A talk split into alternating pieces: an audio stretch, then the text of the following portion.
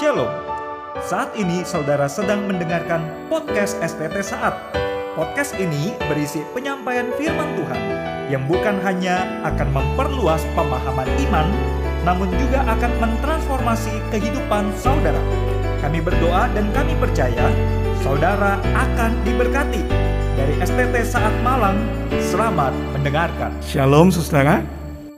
Puji Tuhan kita boleh bersama-sama berkumpul kembali di dalam ibadah ini dan kita akan dalam minggu-minggu pasca ini saudara kita mempersiapkan hati kita untuk menyatukan diri kita dengan pengorbanan Yesus, dengan hatinya Yesus dan melihat apa yang Yesus lihat di dalam hidup kita umat Tuhan. Saudara mari kita sama-sama membuka firman Tuhan di dalam Markus pasal yang ke-14 ayat pertama sampai ayat yang ke-11. Tema khotbah pada pagi hari ini adalah menunda bukan lagi pilihan. Menunda bukan lagi pilihan. Markus pasal yang ke-14 ayat pertama sampai ayat yang ke-11 demikianlah firman Tuhan. Pada hari raya Paskah dan hari raya roti tidak beragi akan mulai dua hari lagi. Imam-imam kepala dan ahli-ahli Taurat mencari jalan untuk menangkap dan membunuh Yesus dengan tipu muslihat. Sebab mereka berkata jangan pada waktu perayaan, supaya jangan timbul keributan di antara rakyat. Ketika Yesus berada di Betania di rumah Simon si kusta dan sedang duduk makan, datanglah seorang perempuan membawa suatu buli-buli pualam berisi minyak nawas murni yang mahal harganya. Setelah dipecahkannya leher buli-buli itu, dicurahkannya minyak itu ke atas kepala Yesus.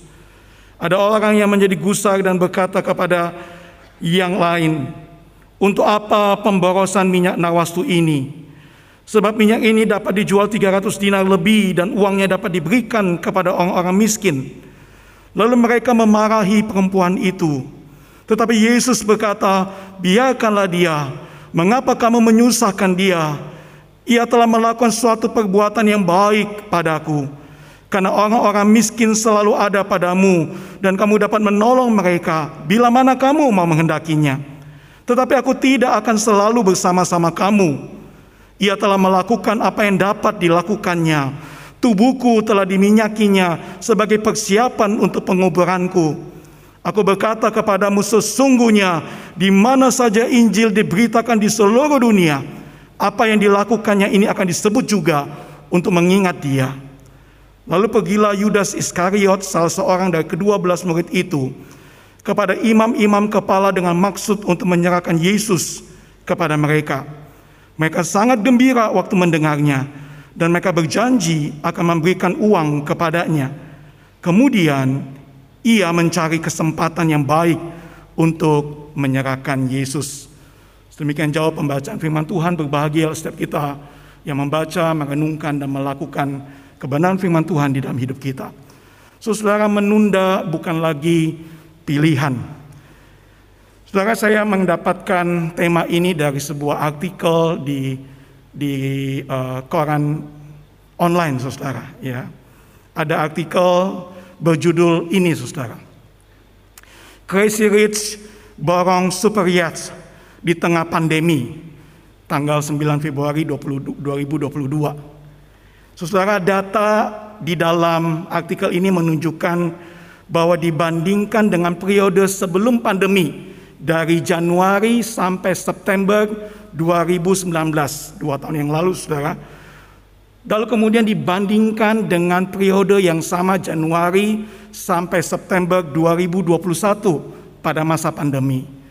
Ketika seharusnya ekonomi itu tertekan dan orang-orang banyak mengalami kesusahan, tetapi data dari The Super Yachts Group, saudara, menunjukkan bahwa pembelian kapal pesiar mewah itu meningkat lebih dari 8%.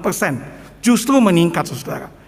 Lebih dari 200 kapal baru sudah berlayar di dalam tempo periode tersebut. 330 kapal baru sedang inden, saudara Inden bukan cuma untuk mobil dan sebagainya. Kapal pesiar mewah pun inden, saudara. 330 kapal sedang inden. Padahal saudara harganya tidak murah. Saudara bayangkan bahwa kapal super yacht ini saudara, yang paling murah itu sekitar 10 juta US dollar saudara. Itu kira-kira 143 miliar bekas. Bukan kapal baru, kapal bekas. 143 miliar. Kalau kapal yang baru saudara harganya itu bisa mencapai 600 juta US dollar atau 8,58 triliun rupiah saudara untuk satu kapal super yacht yang baru. Saudara saya waktu baca ini saya bayangkan kalau ini angka-angka ini dibelikan minyak goreng lalu kemudian dibagi-bagikan kepada emak-emak yang ngantri itu saudara. Saya kira kita nggak perlu lihat di TV dan di surat-surat kabar bicara mengenai emak-emak yang masih ngantri berjam-jam hanya untuk dua liter minyak goreng, bukan? Angka yang luar biasa besar, saudara. Tetapi saudara ini bukan tentang angkanya sebegitu besar. Alasan pembelian daripada super yacht ini yang menarik perhatian saya. Saudara PP Garcia, ketua perusahaan reparasi super yacht di Spanyol, saudara berkomentar demikian. Beberapa telah melihat bahwa teman mereka yang sangat kaya itu memiliki kapal pesiar bersenang-senang selama pandemi. Sementara mereka yang nggak punya kapal itu harus mengunci diri di rumah, padahal mereka punya banyak uang. Karena itu mereka mulai mengatakan, ngapain gue simpan banyak uang? Melihat teman-temanku bisa bersenang-senang dengan superiatnya. Alberto Galassi, saudara, adalah kepala eksekutif pembuat kapal pesiar di Italia. Ia berkata kalimat ini, saudara, lebih reflektif. Pandemi telah mengajari kita betapa rapuhnya hidup seseorang.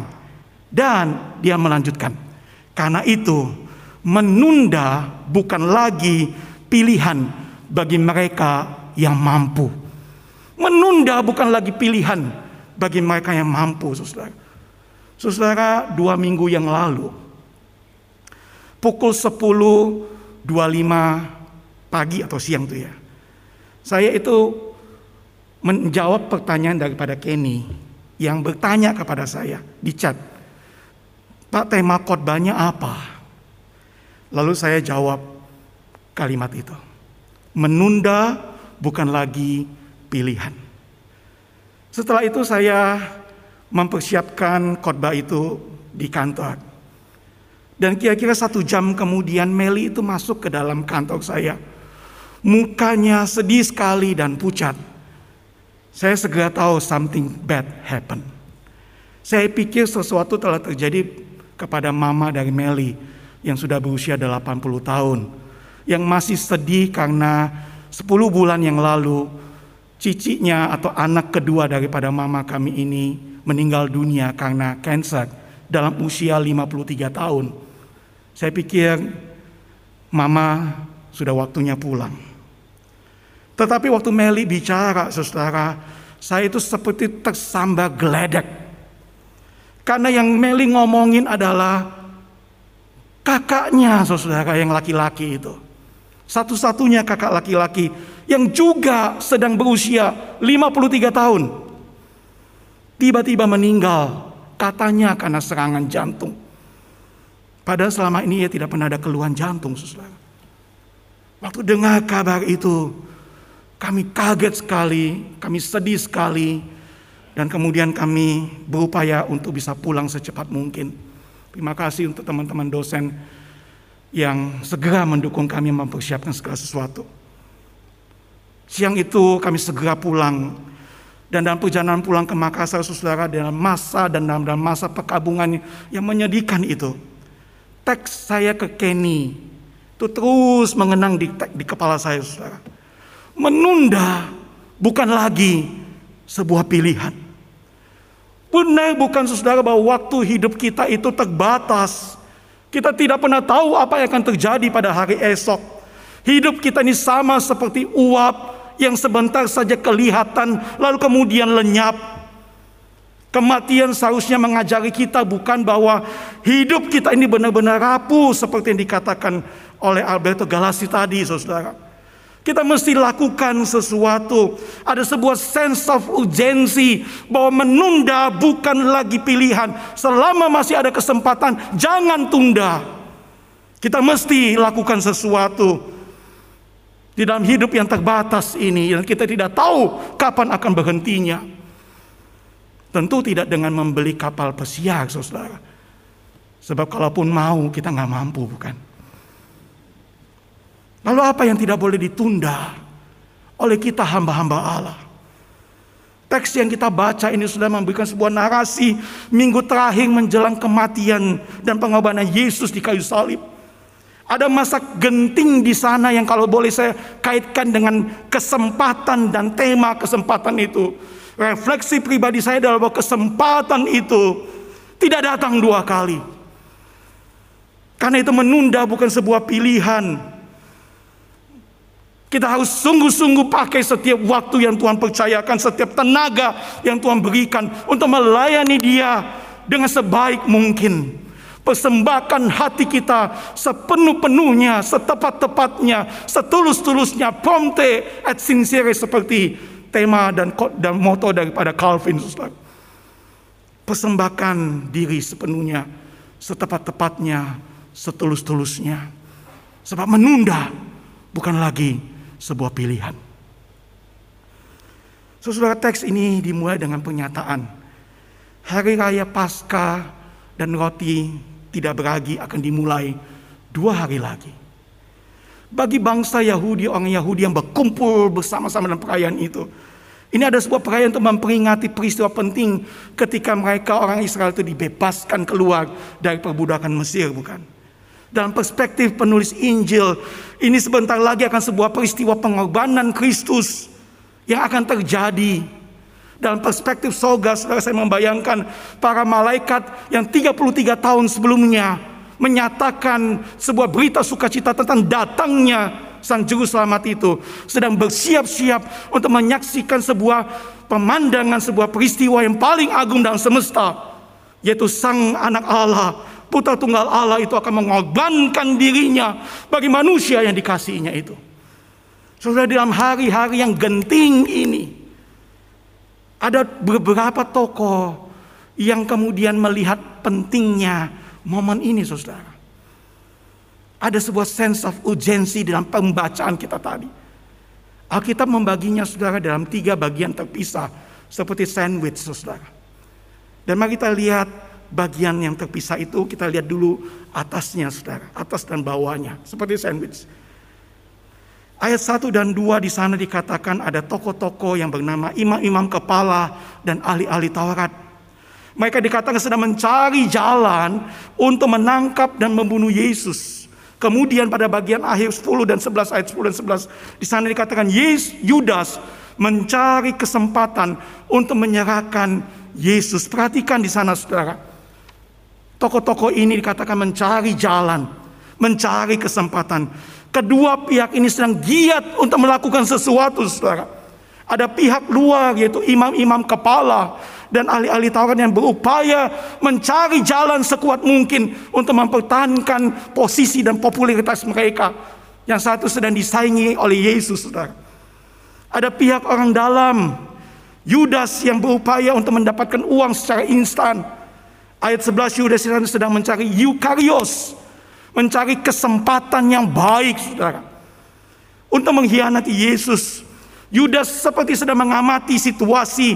Melihat apakah Kairos itu akan muncul. Dan kalau Kairos itu muncul dia siap siaga. Yang akan ambil Kairos itu. Tidak tunggu, tidak tunda. Segera ambil. Untuk mengkhianati Yesus, menyerahkan Yesus. Kerjasama baik-baik dengan pihak luar supaya mencari jalan dan mencari kesempatan ini benar-benar bisa tangkap kesempatan itu. Saudara, ada pihak-pihak yang sedang bekerja luar biasa pada waktu itu untuk sedang melakukan sesuatu yang mencelakakan Yesus. Tapi secara kasat mata saudara memang kelihatannya cuma ada dua pihak ini bukan? Yang sedang cari kesempatan itu. Tapi narasi Injil saudara menunjukkan ada satu pihak lagi yang terlibat Aktif sekali. Sekalipun tidak terlihat saudara. Dalam narasi Matius, Markus dan Lukas kita tahu bukan? bagaimana Yesus di awal pencoba, di awal pelayanan itu kemudian mengalami pencobaan daripada iblis. Kita tahu bagaimana kisahnya Yesus kemudian mengalahkan pencobaan itu dengan firman Tuhan. Tapi yang sering dilewatkan saudara ada satu catatan penting di akhir daripada peristiwa pencobaan Yesus itu. Di dalam Lukas pasal 4 ayat 13 yang bunyinya demikian.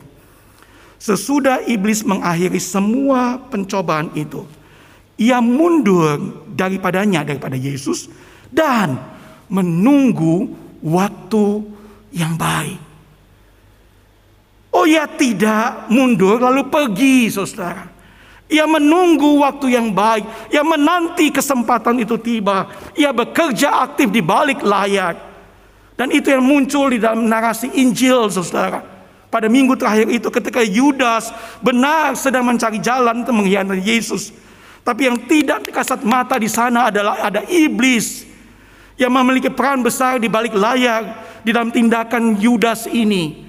Iblis bekerja aktif mempengaruhi pikiran dan hati Yudas. Yohanes mencatat saudara mereka sedang makan bersama dan iblis telah membisikkan rencana dalam hati Yudas Iskariot, anak Simon itu untuk mengkhianati dia. Saudara, iblis mulai membisikkan rencana. Tidak terlihat tapi mulai mempengaruhi hati dan pikiran daripada Yudas. Bukan sedang taruh ide itu ke dalam pikiran dan hati Yudas, saudara. Iblis itu bahkan dalam Lukas pasal 22 ayat 3, Yohanes pasal 13 ayat 27 mengatakan, iblis itu kemudian masuk dan merasuki Yudas, saudara. Saudara, kerasukan itu tidak selalu berwujud dengan begini-begini, saudara. Yudas dikuasai penuh oleh iblis. Pikiran dan hatinya sejalan dengan agenda iblis ketimbang agendanya Yesus. Ada iblis di sana saudara. Saya mau buat argumentasi ini. Bukan hanya yang terlihat yaitu orang-orang imam-imam kepala, ahli-ahli Taurat. Bukan hanya Yudas, tapi ada iblis di sana yang tidak terlihat itu yang juga sedang aktif mencari kairos ini saudara. Dan kita tahu bukan bahwa ini bukan hanya terjadi pada masa itu saudara dalam nuansa eskatologis dalam konteks already and not yet itu. Wahyu 12 ayat 12 Saudara. Rasul Yakobus, Rasul Yohanes menuliskan peringatan buat semua orang. Celakalah kamu hai bumi dan laut karena iblis telah turun kepadamu dalam geramnya yang dahsyat. Kenapa Saudara? Karena ia tahu bahwa waktunya sudah singkat. Iblis tahu Saudara, Waktunya sudah singkat. Iblis tahu ada kesempatan yang perlu diambil. Iblis tahu kesempatan itu tidak datang dua kali. Dan karena itu, dalam geram yang dahsyat, ya bekerja menangkap setiap kesempatan untuk mencelakakan Yesus dan mencelakakan umat Tuhan. Saudara, ada ironi besar di dalam narasi Injil ini. Waktu musuh dan pengkhianat Yesus eksternal, internal, dan yang tak terlihat itu sama-sama digambarkan memiliki sense of urgency. Tahu waktunya sudah singkat. Dan karena itu bekerja dengan kuat untuk mencapai dan mencari kesempatan itu. Menangkap kesempatan itu. Saudara narasi menggambarkan bahwa murid-murid Yesus itu malah sedang giat-giatnya berdebat dan bertengkar untuk memperoleh kedudukan yang terhormat. Kita tahu bukan dalam Markus 10 ayat 35 sampai 45. Dalam perjalanan ke Yerusalem, Yesus itu sudah menyatakan apa yang dia akan lakukan di Yerusalem, apa yang akan dialami di Yerusalem, penderitaan, pergumulan, kematian yang dia akan alami. Saudara, tetapi yang dilakukan murid-murid Yesus bukan bergumul bersama dengan Yesus, bukan empati kepada Yesus, mereka malah bergumul untuk kemudian cari jalan meminta hak istimewa untuk jadi orang penting. Dimulai daripada Yakobus dan Yohanes kita tahu. Tapi kemudian itu menjala kepada 10 murid yang lain. Dan saudara, perdebatan tentang siapa yang terbesar itu tidak berhenti di Markus pasal 10 itu saudara. Waktu saya membaca ayat-ayat ini lebih lanjut dalam narasi-narasi Injil. Saudara saya kemudian menemukan di dalam Lukas pasal 22 ayat 24 pada waktu perjamuan malam terakhir, saudara. Lukas mencatat, terjadilah juga pertengkaran di antara murid-murid Yesus. Siapakah yang dapat dianggap terbesar di antara mereka? Di malam perjamuan terakhir, murid-murid itu masih sibuk ngurusin siapa yang lebih hebat, siapa yang lebih terhormat. Saudara, lingkaran dalam Yesus boleh dikata demikian. Itu bahkan menggunakan energi dan kemampuan mereka bukan untuk melayani Yesus, malah berebut kuasa dan kemuliaan tempat yang terhormat bagi diri mereka sendiri. Saudara, Yesus terlihat sendirian di dalam narasi ini, bukan? Saya bisa membayangkan apa yang Yesus lihat pada waktu itu, saudara. Ia lihat iblis yang sedang giat-giatnya bekerja di balik layar untuk melawan dirinya. Ia tahu apa yang sedang diupayakan dengan kuat oleh para imam kepala dan ahli Taurat itu untuk mencari jalan mencelakakan dia. Ia tahu. Ia memandang dan bahkan memperingati Yudas yang dikuasai oleh Mamon dan iblis itu, Saudara. Ia memandang Yudas dan memperingati dia.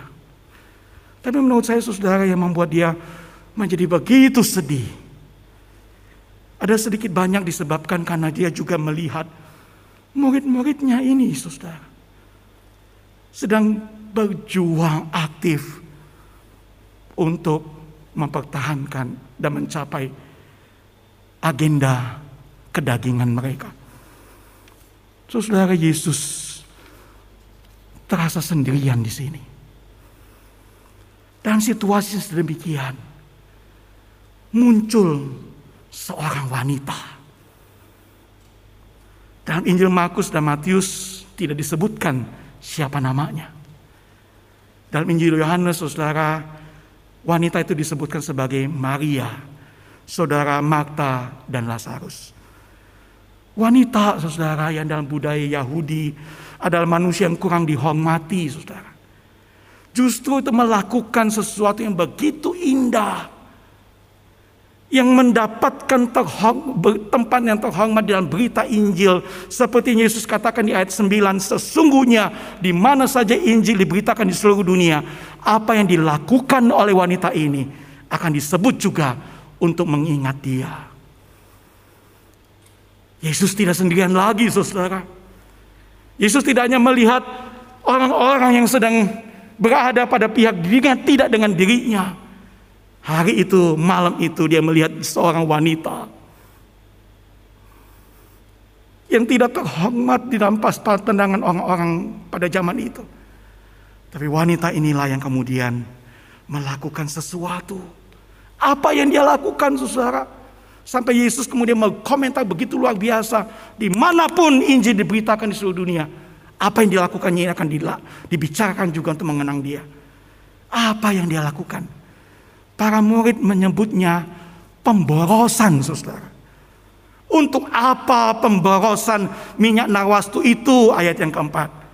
Sia-sia buang-buang uang. Kenyataannya saudara, minyak narwastu memang barang yang mahal sekali. Di kana saya katakan ekonom ekonom ini saudara mengatakan itu bisa dijual seharga lebih daripada 300 dinar atau sama dengan upah satu tahun rata-rata pekerja pada waktu itu, saudara. Sebagai perbandingan supaya kita bisa dapat bayangan. Upah minimum regional Kota Malang tahun 2022. Saudara itu sebesar 2 juta 999 502. Gak tahu ya kenapa angkanya bisa sampai ada 502 ya. Kita bulatkan aja 3 juta saudara. Kali 12, 36 juta untuk minyak wangi saudara. Ada yang punya minyak wangi seharga 36 juta. Kalau ada tolong bagi-bagi kita mau lihat. Seberapa itu harga minyak juta, apa minyak wangi seharga 36 juta. Mahal sekali saudara. Dan minyak nawastu yang 300 lebih dinar harganya itu sudah dituangkan semuanya, dipecahkan kepala bulu-bulu itu. Lalu kemudian dituangkan semuanya dan hitungan detik, paling lama menit saudara. Sehingga itu kemudian ada di kepala Yesus mengalir sampai pada kakinya. Saudara, ini sebuah pemborosan kata murid-murid itu. Ada perbandingan lain yang kita bisa lakukan. Markus pasal 6 ayat 37. 200 dinar dikatakan cukup untuk membeli makan 5.000 orang, saudara. Sekali makan, 5.000 orang. Jadi kalau 300 dinar, saudara, itu bisa kasih makan kira-kira 7.500 orang, bukan? Jumlah yang besar sekali, saudara. Bayangkan, kalau habis ini saya kemudian membuat jamuan makan. Untuk semua orang. 7.500 orang, saya kasih makan semuanya. Saudara kemudian itu difoto. Masuk ke Instagram. Michael memberi makan 7.500 orang. Dan sebuah pesta. Saya kira akan ada orang yang kemudian memasukkan dengan title begini di Instagram atau sosial media yang lainnya. Michael, the crazy rich saat. Jangan diviralkan saudara ya. Diam-diam saja. Sudah bisa bayangkan?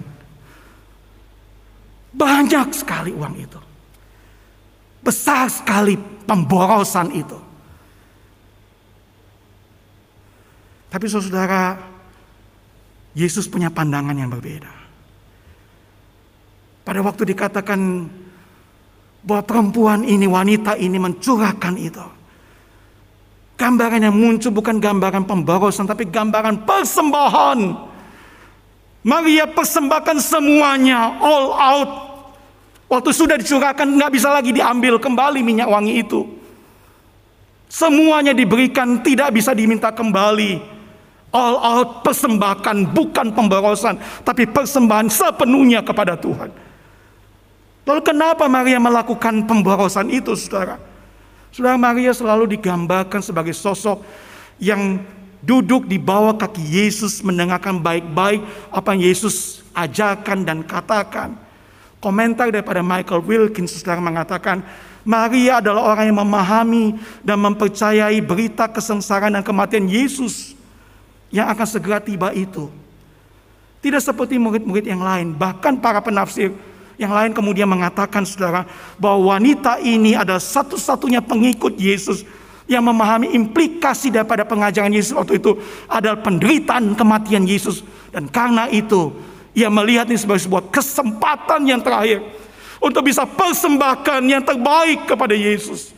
Apa yang dia miliki dia persembahkan sebagai ekspresi kasihnya yang total kepada Yesus, sebuah devosi yang total kepada Yesus yang dia kasihi. Pelayanan yang all out tanpa hitung-hitungan. Semuanya. Semuanya. Bagi Yesus. Saudara dalam devosi yang demikian total ini. Respons murid-murid itu bahkan adalah mereka menjadi gusar. Lalu kemudian mereka memarahi wanita ini. Dalam terjemahan yang lain, mereka katakan mereka rebuke her harshly memarahi dengan kasar, saudara. Pakai alasan rohani lagi. Kan bisa dipakai untuk orang miskin uang itu. Catatan Markus katakan ada orang. Yohanes segera memberitahukan orang itu adalah Yudas, saudara. Yudas yang mulai ngomong katakan itu kan uang bisa dipakai untuk orang miskin. Apa benar untuk orang miskin, saudara? Yohanes kemudian menuliskan bahwa yang Yudas perhatikan bukan orang miskin, tapi karena ia seorang pencuri. Tapi saudara Yudas, kita tahu reputasi dia. Kalau cuma dia marahin kita bisa maklum saudara. Tapi firman Tuhan memberitahukan pada kita bahwa bukan cuma Yudas yang marahi. Mereka, siapa mereka itu? Murid-murid Yesus yang lainnya juga bersatu bersama untuk memarahi dengan kasar perempuan ini. Siapa bilang saudara kalau kita ikut Tuhan dan berada dalam lingkaran dalam umat Tuhan, kita kemudian bisa benar-benar menggunakan pemahaman rohani kita itu untuk hidup sebagaimana yang Tuhan inginkan. Murid-murid Yesus ini bahkan menggunakan kata-kata rohani untuk menentang Tuhannya sendiri. Siapa bilang saudara? Kalau kita melayani Yesus dengan all out. Dengan tulus, dengan rendah hati, penuh pengabdian, penuh pengorbanan. maka semua orang akan puji-puji kita. Antisipasi saudaraku bahwa kita bisa disalah mengerti. Kita bisa dianggap berlebihan, pemborosan, buang-buang uang, buang-buang waktu. Bahkan kita bisa dimarahi dengan kasar. Saudara, bersyukur narasi tidak berhenti di situ. Tidak berhenti dengan kemarahan daripada murid-murid ini. Atas sikap murid-murid itu, saudaraku. Maria itu tidak berespon sama sekali. Tidak membantah, tidak membela diri. Mungkin juga karena tidak berdaya, saudara. Tidak tahu harus buat apa dimarahin oleh murid-murid Yesus.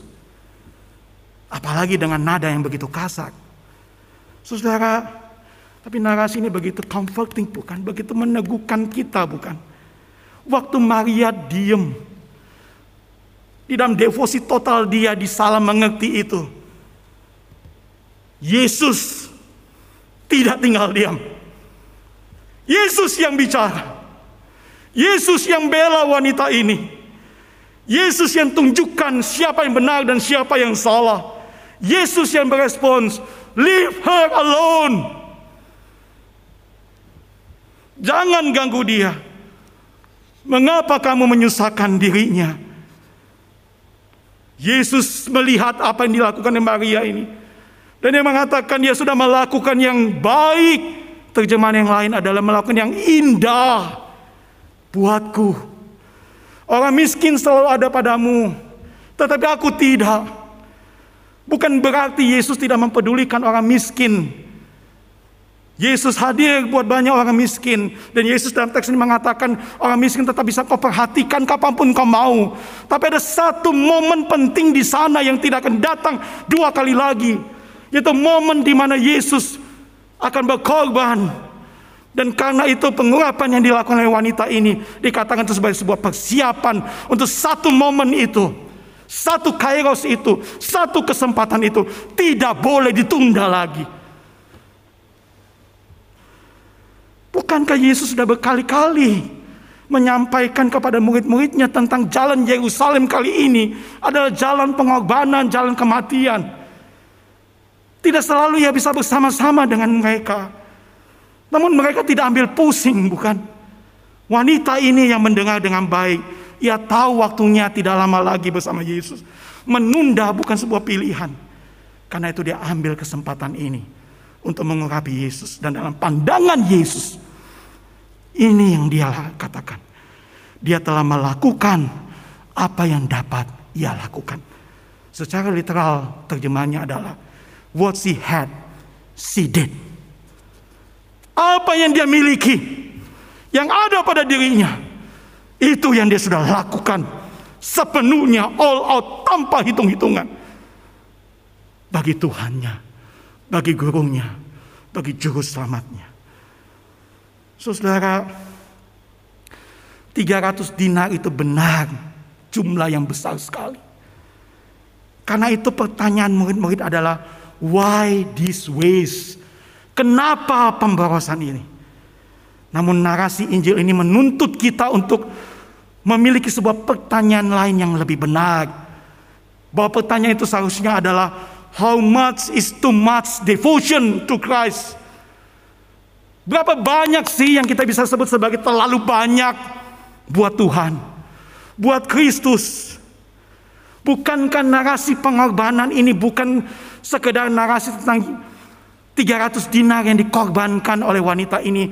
Sebab narasi ini adalah narasi tentang pengorbanan Kristus yang terutama. Dan bahwa devosi pengorbanan penyembahan daripada wanita itu akan mengiringi berita Injil, berita pengorbanan daripada Kristus itu. Kristus Yesus yang tidak menunda untuk melakukan misi pelayanannya, misi penyelamatannya. Sang anak domba Allah yang mengambil kairos itu untuk mencurahkan darahnya menebus umat manusia berdosa. Sang anak manusia yang berkomitmen untuk mencurahkan seluruh kasihnya bagi manusia sepertiku dan sepertimu yang berdosa ini. Sang anak Allah yang menanggung derita dan muka daripada Allah Bapa Supaya saya dan saudara bisa dipanggil sebagai anak-anak Allah. Sang hamba Allah yang berkorban sepenuhnya all out. Taat sampai mati bahkan sampai mati terkutuk di kayu salib itu. Supaya saya dan saudara kita bisa menjadi hamba-hamba Tuhan juga yang taat sepenuhnya all out pada rencana dan kehendak Bapa bagi diri kita dan bagi dunia yang dikasihinya ini. Saudara sekali lagi pertanyaan yang benar bukan apakah ini sebuah pemborosan. Pertanyaan yang terbenar adalah how much is too much devotion to Christ. Engkau sudah berkorban, aku sudah berkorban. Seberapa sih pengorbanan kita dibandingkan dengan pengorbanan Kristus itu? Masih beranikah kita hitung-hitungan? Masih beranikah kita kemudian komplain ini dan komplain itu kepada Tuhan? Apa yang kita lihat di kayu salib, saudara? Apa yang Yesus lihat dari kayu salib pada diri kita? Pertanyaan yang benar. How much is too much devotion to Christ? Saudara baru saja mendengarkan firman Tuhan yang kami percaya akan menumbuhkan iman saudara. Sampai jumpa pada podcast STT saat berikutnya. Tuhan memberkati.